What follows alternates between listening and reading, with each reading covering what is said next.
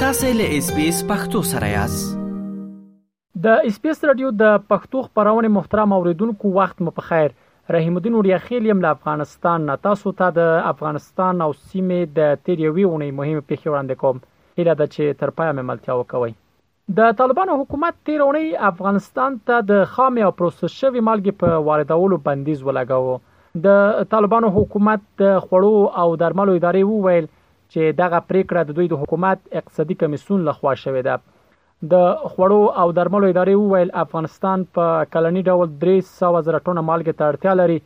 چې یو سلو شپېته زره ټنه خوراکي مالګه او دغه شان یو سلو څلوېښت زره ټنه صنعتي مالګه کېږي او په کلني ډول د افغانستان له معدنونو څخه څلور سوه دوه نوي زره ټنه مالګه استخراجېږي. د طالبانو سرپرست حکومت د خوړو او درملو ادارې د مالګې د تولید له ټولو سوداګرو او تولیدونکو وغوښتل چې له دغې ادارې دې د خپلو فعالیتونو لپاره جوازونه ترلاسه کړي.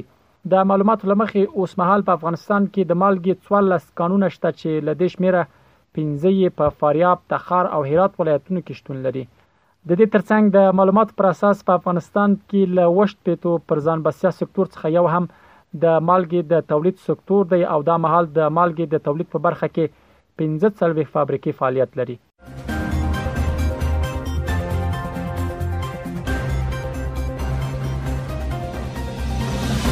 اتو هیوادونو او اروپאי ټولنې تیر اونۍ د افغانستان د بشري حقوقو وضعیت په اړه اندېښنه وښوده د امریکا، کاناډا، بریټانیا، اروپאי ټولنې، جاپان، جرمني، ایتالیا او ناروی ځانګړي استازي چې د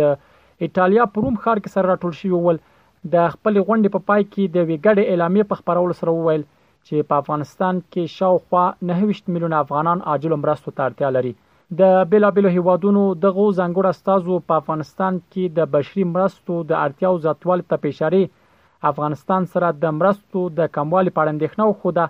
او افغانانو لپاره د مرستو د زیاتوالي غوښتنه وکړه په اعلامیه کې راغلي ول چې په افغانستان کې له ټولنیزو، اقتصادي، سیاسي او فرهنګي برخو څخه د ښځو او انجونو د حذفولو لپاره د طالبانو تګلارې په ځانګړي ډول د هغوی پر تعلیم او کار بندیز د افغانانو له حقونو او نړیوالو مکلفیتونو څخه سرغړونه ده د افغانستان په چارو کې د بیلابیلو هیوادونو دغو ځانګړو استازو د طالبانو لخوا د یو ټولګډونو حکومت پر جوړولو او د ملي او هر اړخیزو مشورو او د ملګرو ملتونو او اسلامي همکاریو سازمان په مشوره د یو اساسي قانون پر چمتو کولو ټینګار وکړ اعلامیه کې راغلی ول چې په افغانستان کې مشروع او ټولګډونو حکومت نشت او د اقتصادي سیاسي امنیتي وضعیت او پر خزو د بندیزونو لامل کډوالۍ زیاته شوې ده په اعلامیه کې د افغانستان له ګاونډیو هیوادونو غوښتل شوي وول چې له افغان کډوالو سره لازمه همکاري وکړي. د طالبانو حکومت د افغانستان په چارو کې د بېلابېلو هیوادونو ځانګړو استازو د دغې اعلامیې په اړه تازه څه ونه ویل، خو تر دې وړاندې یې ویلي وول چې د دوی حکومت ټولګډونه دی او د ټولو افغانانو په ځانګړي ډول د ښځو حقونه د اسلامي شریعت په چوکاټ کې خوندي دي.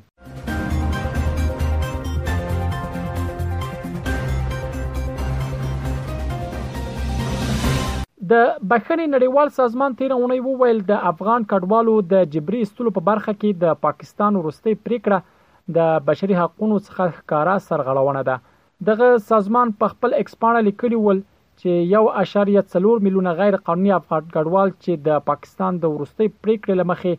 د وستو له خطر سره مخ دي په خپل هیواد کې نه یوازې ژوند یې د مرګ له ګواښ سره مخ دی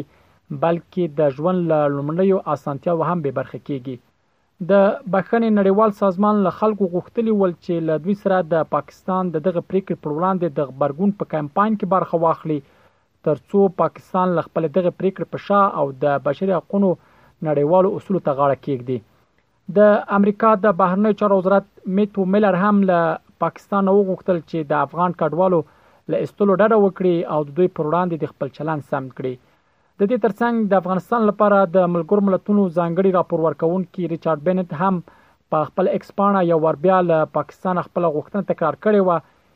چې د افغان کډوالو د ډله ییز اخراج پروګرام په لغوه کولو سره د افغانانو د یو بل بحران مخه ونیسي د طالبانو حکومت هم د یو اعلامیې لارې له ګاونډیو هوادونو وغوښتل چې د اسلامي ورورولۍ اصل ته په پام کې نیولو سره له افغان کډوالو سره مناسب چلند وکړي طالبانو په خپل دغه اعلامیه کې له هغه هوادونو چې په 1340 کلونو کې افغانانو ته په خپل خاور کې ځای ورکړی مننه کړې و او له هغه غوښتلی ول چې افغانان د نه اخراجوي د یادونې ده چې په پاکستان کې د غیر قانوني افغان کډوالو د استوګنې د پای لپاره ټاکل شوی ضرب الاجل د تیر اکتوبر میاشتې په یو دیرسمه پای ته ورسیده او له هغې نیټې را وروسته له دغه هیواده د افغان کډوالو د اخراج لړۍ چټکه شوې ده.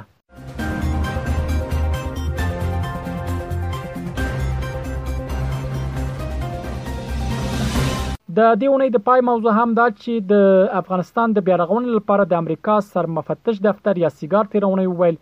د طالبانو په واکمنۍ کې له افغانستان سره د امریکا د مرستو اندازه 2.15 میلیارډ ډالر ته رسیدلې سیګار د امریکا کانګرس ته په هغه درې میاشتنی راپور کې چې د دسمبر په لومړۍ نیټه خپور کړی وویل امریکا پر افغانستان د طالبانو لواکمنېدو وروسته د دې هیواد ستر بشري مرستندوی هیواد پاتې شوی دی سیګار په دې راپور کې په افغانستان کې د بشري ناورین پر ښځو او انجونو د دوامدار فشارونو د نړیوالو بسپانو د کمښت په نادولتي موسسو کې د طالبانو د لاسوهنې په ګډون د یو لړ نورو مو... د یو لړ نورو موضوعاتو په اړه تازه معلومات هم خپاره کړي ول په دې راپور کې ویل شوي ول چې د امریکا نړیوالې پراختیایي ادارې او د بهرنیو چارو وزرت د دوه زره او درویشت مالي کال لپاره له افغانستان سره د نږدې اته سوه او شپږ ویشت میلیونه ډالرو بشري مرستې ژمنه کړې چې له نیمایي زیاته یې یعنې څلور سوه او دوه ویشت میلیونه ډالر یې په افغانستان کې له میلیونونو اړمنو کسانو سره د خوړو د عاجلې مرستې لپاره د خوړو نړیوال پروګرام ته ورکول کېږي. د سیګار په راپور کې دا هم راغلي و چې ملګرو ملتونو په هرو پنځلس ورځو کې افغانستان لپاره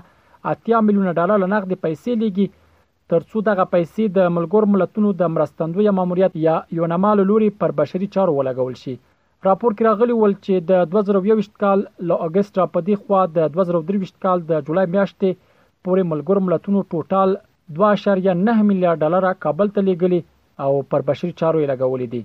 د یادونې ده چې د طالبانو په واکمنۍ کې له افغانستان سره د امریکا د مرستو اندازه داسې مهال دوه اعشاریه پنځه میلیون ډالرو ته رسیږي چې د نړیوال بانک د تازه راپور له مخې په افغانستان کې په هرو دوو افغانانو کې یو یې په بېوزلۍ کې ژوند کوي.